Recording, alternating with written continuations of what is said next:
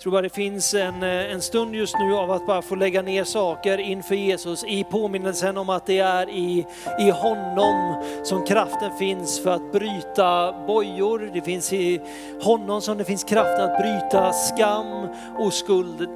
Förra veckan tror jag det var så predikade Daniel om att ge upp, att våga ge upp inför Gud, att inte försöka fixa den där fighten i egen kraft. Jag tror att det är en sån stund just nu, om du har stått i en strid ganska länge, du har kämpat med någonting ganska länge, du har levt på det här att jag ska ta mig igenom. Så finns det en stund just nu av att bara igenkänna att vi får lägga oss på knä inför Jesus, inför Jesus här. Jesus, låt din kraft sätta mig fri. Så därför helige Ande, bara vi inbjuder dig just nu vi ber att du får komma och röra vid var och en av oss Herre. Jag ber att du får komma och bryta de bojor som håller oss fast. Jag ber att du får komma och lyfta de där bördorna från våra axlar Herre. Där vi bär på djupa sår Herre, det som vi så länge har burit med oss. Där ber vi helige Ande att du med din finkänslighet, med din kärlek och med din nåd får komma in och hela och upprätta brustna hjärtan just nu. Kom helige Ande. Kom heligande. Hjälp oss att, kanske för första gången eller för hundrade gången, bara böja knä inför dig och ge upp på nytt. Bara säga att det är i dig det finns hopp. Det är i dig det finns liv. Det är i namnet Jesus det finns frihet. Där den heliga ande är, där finns det frihet.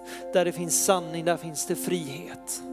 Så helande, jag ber dig just nu, kom och rör vid våra hjärtan.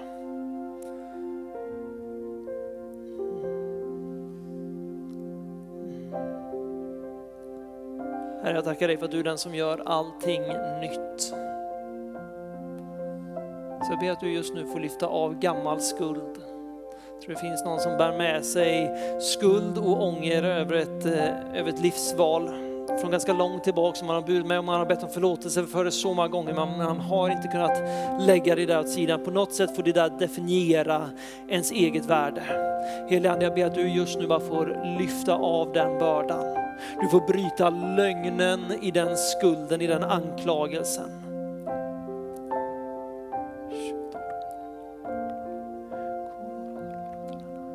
Bara proklamera ut frihet i Jesu namn.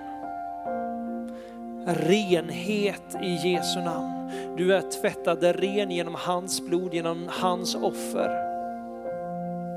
Han ser inte längre på dig genom ögon av skuld. Han håller inte dina synder emot dig, din historia emot dig. Utan han sätter ett eh, ring, en ring på ditt finger, nya skor på dina fötter, en ny mantel över dina axlar och säger att du är en son och en dotter i mitt hus.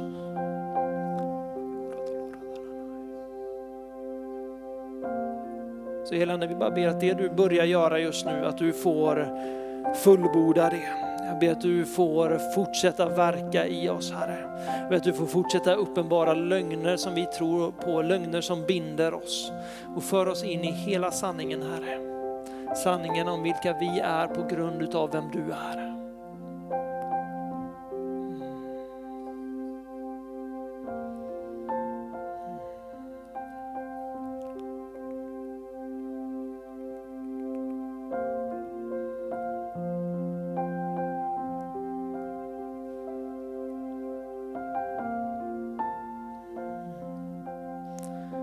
Vet inte vem detta är till specifikt, men jag tror också det finns någon som bär med sig historia från, en, från ett förhållande där man vet att man bär faktiskt en, man har gett den andra personen sår. Och man känner en skuld, och man känner en skam av det, men man vill hellre bara trycka det åt sidan, man vill helst bara glömma bort det. Jag tror att Jesus säger att det finns en tid för att föra saker fram i ljuset att låta sanningen ta oss fria. Det kan vara smärtsamt, det kan vara skrämmande, men den friheten som kommer med, med bekännelse och med att be om förlåtelse, det lyfter den där bördan ifrån dina axlar.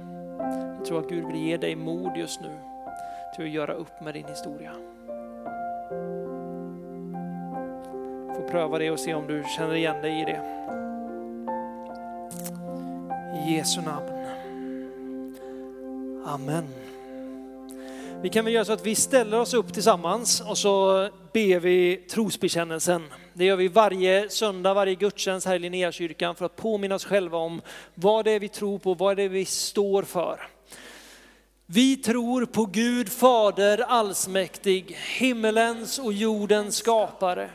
Vi tror också på Jesus Kristus, hans enfödde son, vår Herre, vilken är avlad av den helige ande, född av jungfrun Maria, pinad under Pontius Pilatus, korsfäst, död och begraven, nederstigen till dödsriket, på tredje dagen uppstånden igen ifrån de döda, uppstigen till himmelen, sittande på allsmäktig Gud faders högra sida, därifrån kommande till att döma levande och döda.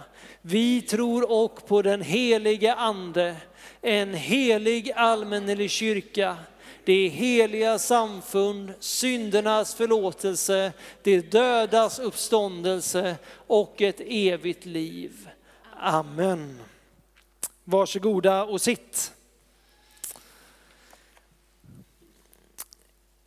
Jag tänkte att vi ska börja med ett eh, bibelord som jag inte har gett Sissi, så den kommer inte upp på, på skärmen. Eh, bara för att lägga en slags grund eller förtydligande av vad det är vi pratar om. Kommer från första Petrusbrevet kapitel 2, vers 1 och framåt. Det står så här, vers 4 och framåt, förlåt. Kom till honom, den levande stenen som visserligen är förkastad av människor men är utvald och dyrbar inför Gud. Och låt er själva som levande stenar byggas upp till ett andligt hus, ett heligt prästerskap som ska frambära andliga offer som Gud tack vare Jesus Kristus tar emot med glädje. Jag har döpt den här predikan till växa genom förändring.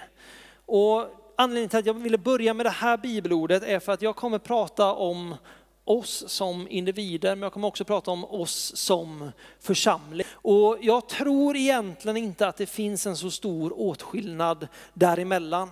För vi har i våran kontext i vårt samhälle, så när vi pratar om församling då tänker vi liksom byggnad, vi tänker medlemmar, vi tänker att vi har ett sätt att göra gudstjänst på, vi har ett sätt att be för sjuka, vi har ett sätt att sjunga på. Allt det där kommer liksom innanför våran box av vad församling är. Jag tror att utifrån en biblisk princip, en biblisk perspektiv på församling så är vi personerna här tillsammans, det är vi som är de levande stenarna som utgör församling. Vi skulle kunna sjunga vilka sånger som helst, vi skulle kunna be på vilket konstigt eller superbra sätt som helst. Det hade inte spelat någon roll därför det är vi som personer som är församling tillsammans. När vi kommer samman så bygger vi ett tempel där Guds närvaro får komma och möta den här världen. Gud har kallat oss samman, var och en av oss. Man kan inte vara församling på egen hand. Genom hela nya testamentet och egentligen genom hela bibeln om vi ser på det så kallar Gud till gemenskap. Han kallar sitt folk att komma samman. För när vi är tillsammans och tillsammans söker honom, tillsammans prisar honom, tillsammans ber till honom så finns det en extra favör för hans när att komma och ta sin boning mitt ibland oss. Så när jag pratar om att växa genom förändring så tror jag det är lika sant för oss som privatpersoner som det är för oss som gemenskap, som församling. Om jag växer i min gudsrelation, om jag växer eh, som person så kommer det också att påverka hela församlingen. Därför Bibeln säger att om en lem lider så lider hela kroppen. Om Gud välsignar en lem så välsignas också hela kroppen. Jag personligen och du personligen spelar en roll för Guds rike. Om du följer honom, om du söker honom så blir det automatiskt en välsignelse för hela kroppen. Det blir en välsignelse för hela Linnéakyrkan, för hela kyrkan i Göteborg, i Sverige, världen över. Därför tillsammans bygger vi Guds rike. Så därför vill jag bara poängtera att det som vi tar till oss personligen, det har också direkt koppling till vad som händer i församlingen och hur vi ser på församling. Okej, okay, är ni med mig? Bra. För att ta en helt annan touch då. Inom filosofin så finns det ett koncept där man pratar om den andre. Och det man menar i den här tankebyggnaden, det här tankesättet, det är att jag får, förstår vem jag själv är, eller jag får på något sätt en identitet i mötet med en annan person, ett annat sammanhang, någonting som är helt olikt mig själv.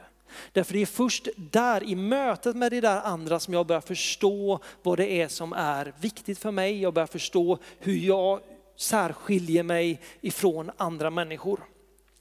Och jag har nu varit gift i en knapp månad. Eh, jag kan säga det att det där konceptet med den andra, att börja förstå sig själv, blir väldigt tydligt när man helt plötsligt bor med en annan människa. För då blir det plötsligt klart att okej, okay, Olivia, hon tänker, känner, uttrycker sig och gör inte som jag gör hela tiden. Tror det eller ej. När den ena är trött så är den andra pigg. Oftast är det jag som är trött och Olivia som är pigg. Man har olika synsätt på traditioner, man har olika synsätt på måltidens roll i familjen, man har olika syn på inredning och på tider och på om man ska sätta alarm eller om man ska sova ut eller vad det nu kan vara. Och i de där stunderna så lär man känna sig själv. Jag hade ingen aning om att jag tyckte det var så jobbigt att stanna på en ledig dag. Som när Olivia lördag kväll säger, men vi sätter ett alarm på klockan nio imorgon. Och man bara känner i hela sig själv liksom att det är ledigt, nu vill jag bara kunna ligga kvar i sängen så länge det går. Aldrig reflekterat över det förrän man möter någon som tänker helt olika. Jag trodde aldrig jag brydde mig om vilka mattor vi hade hemma. Förrän vi står på Ikea och man har 50-11 olika att välja på. Olivia har en åsikt och jag har en åsikt. Och helt plötsligt tänker man, ah, jag tänker inte riktigt släppa på det där. Jag tänker hålla min poäng här. Och det som på något sätt är fint i en relation och det som jag tror är Guds tanke i det hela är att när, man, när jag står själv, när jag lever mitt eget liv, då gör jag mina val. Jag reflekterar inte så mycket över varför är det här viktigt för mig? Varför spelar det här någon roll? Utan jag gör det jag känner för. Men i en relation med en annan människa, vare sig det är arbetskollegor, vänner, partner, föräldrar, vad det än är. I det mötet så måste man ta de där striderna på ett eller annat sätt. Man måste lära sig att hantera när problemet uppstår. Vare sig det är att vissa gånger att jag får lägga ner min rätt, vissa gånger får den andra personen lägga ner sin rätt. Men man lär sig i de där konflikterna, i de där prövningarna eller i de stora prövningarna så lär man sig att kompromissa, man lär sig att sätta perspektiv på vad är det viktiga. Nu har inte jag varit gift så länge så jag har inte så massa erfarenhet liksom att plocka ur Eh, ryggsäcken och dela med er här. Men jag har vänner som har varit gifta länge och gått igenom mycket. Och jag har flera vänner där som liksom har på något sätt uttryckt det här att när man går igenom de jobbigaste perioderna, eller när ens partner har det riktigt jobbigt, det är då man själv märker att man dels lär känna sig själv som bäst. Därför man märker liksom hur jobbigt det är att lägga ner sin egen rätt. Hur jobbigt det är att få lägga ner sig, sig själv för den andra. Men man märker också att man växer när man kommer ut på andra sidan. Man märker att man har blivit mer tålmodig, man märker att man har blivit mer kärleksfull. Man märker att man är mer förberedd för att ta den där striden eller stå i den där motgången vid nästa tillfälle. För det är så att när vi möter svårigheter eller när vi möter någonting som inte helt rimmar med vår egen preferens eller vår egen åsikt så börjar det stretchas lite. Det börjar slitas lite och vi måste börja jobba med våra eget hjärta, börja jobba med våra egna motiv och se vad är det som driver mig. Och hur jobbigt det än är så tror jag tyvärr att det är en del av Guds plan. Jag tror att Gud älskar att stretcha oss. Jag tror att Gud älskar att sätta oss i situationer som är för svåra för oss eller där vi helt plötsligt inser att oj, min vilja kanske inte är samma som Guds vilja. Min största dröm kanske inte är Guds dröm eller tanke för mitt liv. Han älskar att låta oss pröva våra hjärtan, pröva vår tro så att vi sakta stretchas och vi hela tiden stärks och blir djupare i våran tro. Jag tror att eh, för min generation, de som är uppvuxna på 2000-talet, millennials som vi kallas eh, världen över, så ja, men vi har på lite sätt vi har vuxit upp i en, i en lugn. Därför vi har ofta blivit curlade. Eh, vi har fått allting serverat för oss. Eh, vi tänker att ja, men, det räcker bara med att jag dyker upp så är allting bra. Jag kommer ihåg när jag gick i mellanstadiet så var jag med i en fotbollscup som hette Kalles Kaviar Cup. Vi var urdåliga. Vi vann inte en enda match, jag tror vi fick stryk med så här 4, 5, 6, 0 ungefär varje match. Och vi kom total sist i den här turneringen och vi kommer av efter planen och vi får en medalj för att vi har varit med. Medaljen hade inte mycket värde i mina ögon kan jag säga. Man kände att här har vi gjort platt fall, men ändå blir vi på något sätt belönade. Och det är lite vår tidsanda, vi tänker att allting ska serveras. Är jag hungrig så åker jag bara en drive-through på Donken och får det direkt ut i knät. Krånglar wifi så blir man superstressad och irriterad för det ska ju bara fungera. Och jag tror att det finns en sak i det där som är ganska sunt, för det, den här kulturen på något sätt uppmuntrar oss också att se att jag duger till. Jag är värd för vem jag är och inte för vad jag gör. Och det tror jag i det stora hela så tror jag att det är Guds sanning. Gud älskar dig precis för den du är. Han älskar dig inte för vad du gör, för vad du åstadkommer, utan för vem du är. Sen tror jag också att vårt samhälle har perverterat den sanningen på olika områden och gjort det till ja, vad det nu än är. Men den sanningen finns fortfarande, det finns ett värde i individen. Men det finns också en, en nackdel i det. Det är att vi tror att det är vi som sätter villkoren. Jag är med så länge det passar mig. Jag är med så länge jag får min vilja igenom. Är det inte det, men då går jag vidare därför jag är värd som jag är och gör det på mitt sätt. Eller jag går och hittar någonting som passar mig bättre. Och det tror jag går tvärt Guds rike. För ska vi se vad Bibeln egentligen säger så är det att när vi tar emot Jesus som Herre och frälsare i våra liv, det vi gör då är att vi lägger ner våra liv. Vi lägger ner våra drömmar, vi lägger ner våra värderingar. Allt vi är lägger vi ner inför honom och säger Herre det här tillhör nu dig. Om vi vill ha det som tillhör Jesus så måste han få allt det som tillhör oss.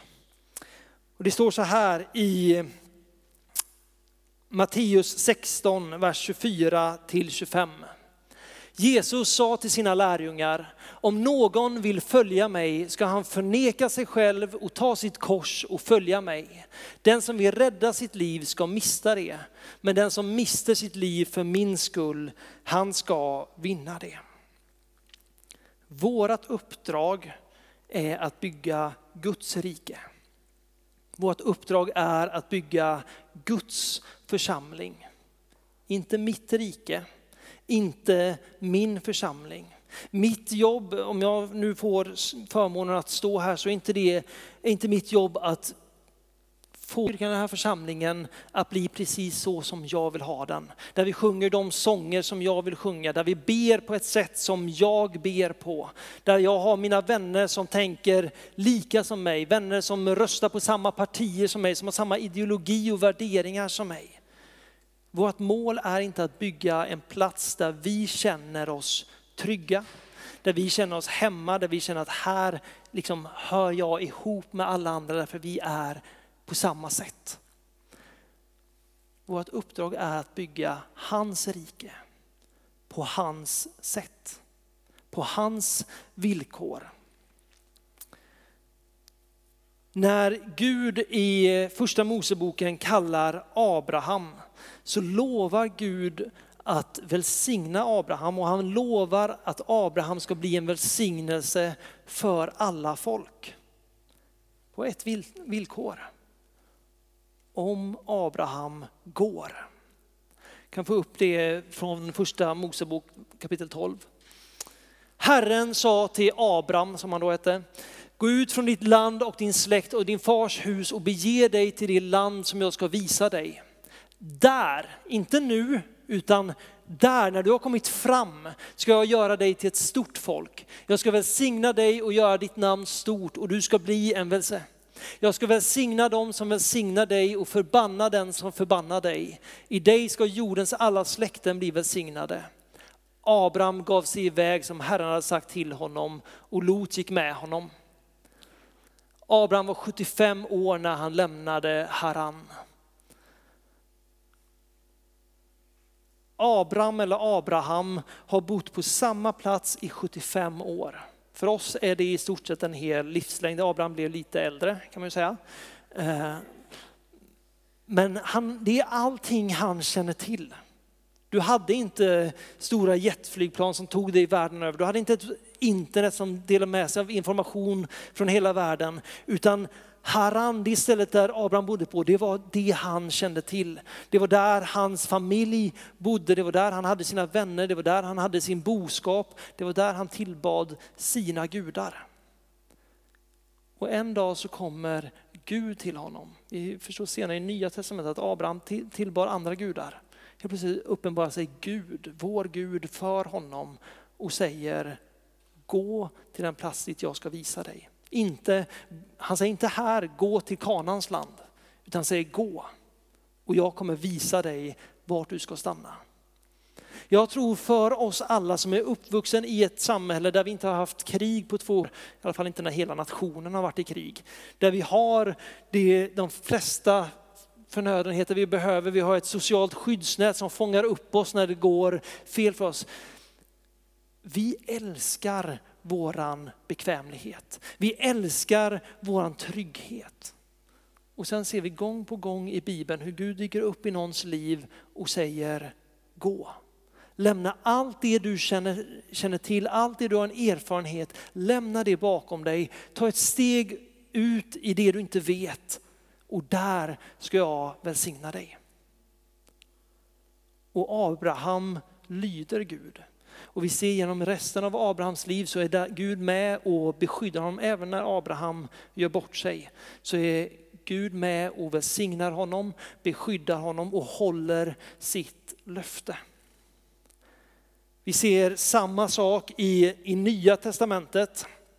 Där frågar, eh, där frågar lärjungarna, eh, vi kan ta upp Lukas 12, vers 28-30 säger Petrus, se, vi har lämnat det vi ägde och följt dig.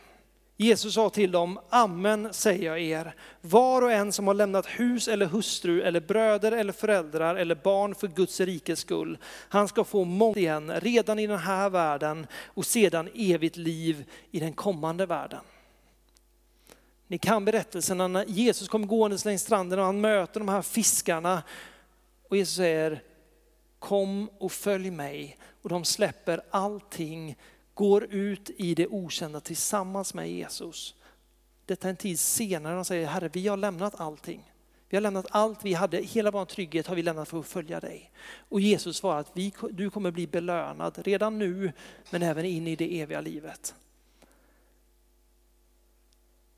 Jag tror att vi som församling och vi som individer, om vi vill växa om vi vill bli mer mogna personer, om vi vill bli starkare personer, om vi vill bli människor av tro.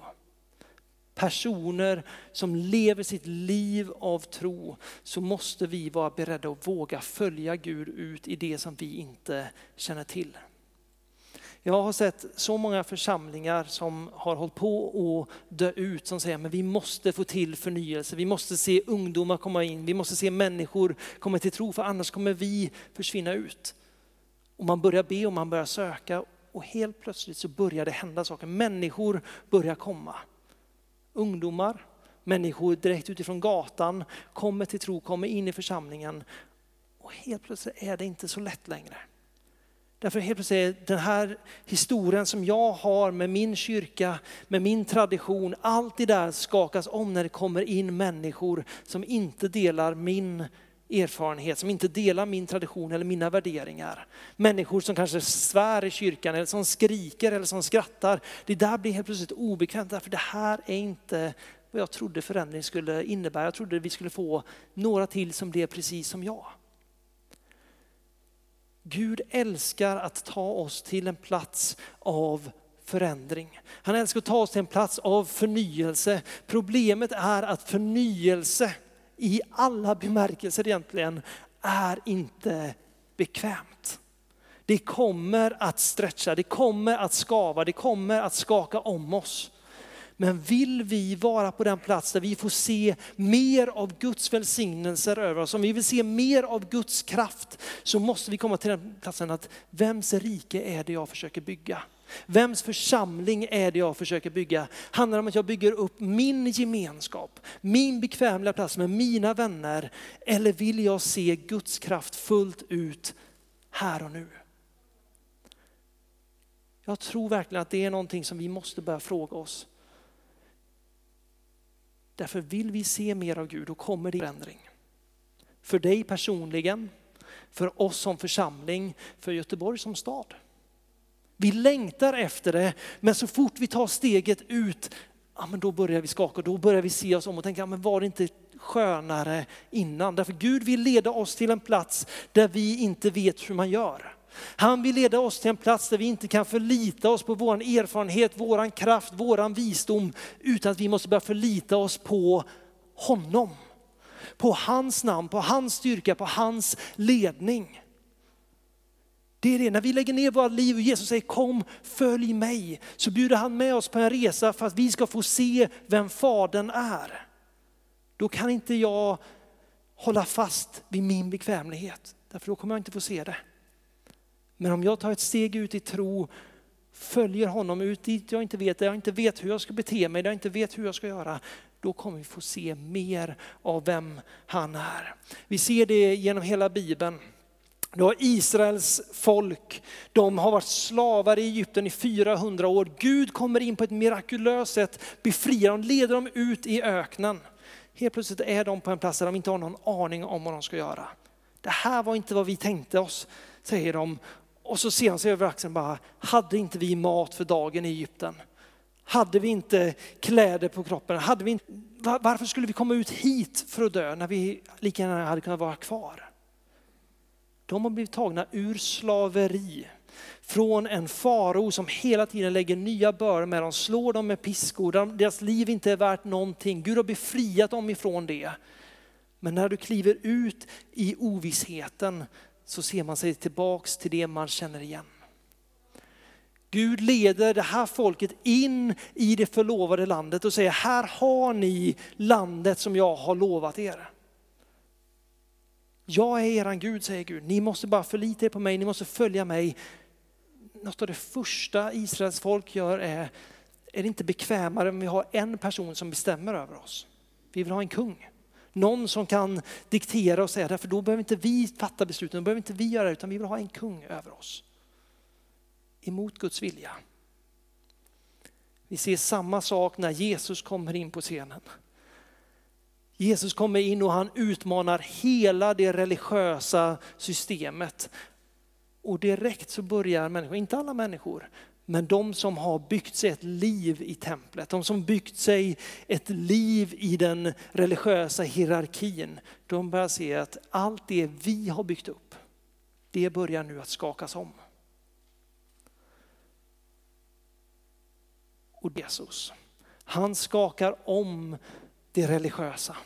Han skakar om våra strukturer som bygger på mänsklig vishet, som bygger på mänskliga värderingar. Därför att han vill komma in och säga, följ mig. Lägg ner era liv på nytt och följ mig. Han vill ha allting eller ingenting. I Johannes uppenbarelse så står det att Det står faktiskt att Jesus spyr ut de ljumna. Han kan inte ens ha en ljummen i sin mun. Det är ett ganska hårt ord. Men det finns någonting, antingen lever vi för honom och vi gör det på hans sätt. Eller så har vi en bokklubb. Vi kan läsa Hebreerbrevet tio gånger och dricka kaffe och käka rulltårta. Supermysigt men vi kommer inte få se Guds härlighet. Vi måste vara beredda att gå dit han leder oss. Vi måste vara beredda att ta emot de människor som han sänder oss, även om de är helt utanför våra normala krets. Om de tänker helt annorlunda. Om de är sverigedemokrater, moderater, miljöpartister, you name it. Det spelar ingen roll, därför Jesus var beredd att lämna 99 får för att hitta en miljöpartist. Eller en sverigedemokrat. Eller en flykting på väg hit. Jesus allt för att få tag i en. Men för oss är det lätt att det blir obekvämt. Därför det innebär att jag måste ta ett steg ut i ovissheten. Vi lever så mycket, jag är uppvuxen i kyrkan så jag predikar precis lika mycket till mig själv här nu. Vi lever i en tradition, i ett sätt att göra kyrka som på många sätt är bra, men som också har väldigt mycket av mäns mänsklig tradition med sig. Och när de, det börjar gunga, när Gud börjar kalla oss till att göra saker på ett nytt sätt, för han gör det gång på gång på gång. Alltså här, i, jag vet inte hur många gånger, men det är bra många gånger genom hela Bibeln som Gud säger, sjung en ny sång till Herren. Jag menar inte att man inte ska sjunga gamla sånger. Gamla sånger är, bär ett fantastiskt arv. Men det finns någonting hela tiden där Gud uppmanar, sök mig på ett nytt sätt. Sök mig med nya ord, sök mig med, med nya gåvor, med nya kreativa sätt. Hela tiden kallar han oss ut ur det där som vi redan kan. Det vi känner till, in på en plats där vi måste förlita oss på honom. För det är honom vi söker. Det måste vara Jesus Kristus vi är ute efter. Inte en stor kyrka, inte en pampig kyrka som blir omnämnd i dagen eller världen idag. Utan en kyrka som fokuserar på Jesus och som faktiskt vill göra det Jesus gjorde och gör. Det är en kyrka som jag vill vara en del av. På pingstdagen kom 3000 personer till tro. Tänk lärjungarnas lilla skara. De var kanske ett par hundra, helt plötsligt kommer det 3000 nya personer in. Hur tror ni den kyrkan påverkades av det? Men vad var det de brann för? De brann för att människor skulle få ta emot evangelium. Inte på att deras inre cirkel ska fortsätta vara tajt och vara bästa vänner på Facebook. Utan de drömde om att evangelium skulle få bryta ut i hela världen. Jesus gav dem uppdraget, gå till världens yttersta gräns och gör alla folk till lärjungar. Hur tror ni de känner inför ett sådant uppdrag? Gå in i nya kulturer där de pratar andra språk, där de har andra, andra seder, lagar, regler, religioner. Där ska ni outbildade män gå in och förändra världen med evangelium. Det är när vi går dit Jesus vill att vi ska gå, som signelse, som hans beskydd, som hans härlighet kommer med oss. Jag tror att vi kommer att gå en ny tid till mötes. Jag tror att corona har varit ett startskott som har fått skaka om oss. Jag tror att Gud håller på att göra någonting nytt i vårt land. Och jag tror att det kommer att skaka om Svenska kyrkan. Det kommer skaka om Pingstkyrkan, Missionskyrkan, IFK, you name it. Därför jag tror att Gud vill göra sin församling. Inte ett samfund, inte en tradition. Jag tror inte det finns en tradition som har hela sanningen. Jag tror inte det finns en kyrka som har hela sanningen. Vi har alla våra brister.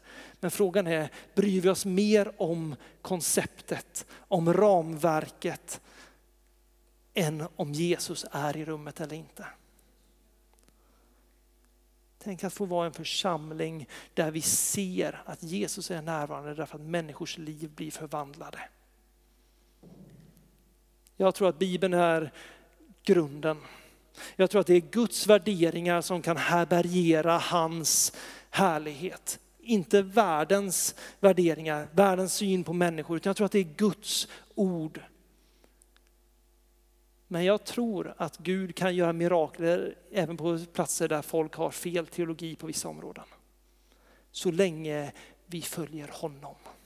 Så länge vi honom, så länge när Gud uppenbarar sanningen för mig så är jag beredd att gå ner på mina knän, omvända mig och säga Jesus jag har haft fel, nu vill jag följa dig.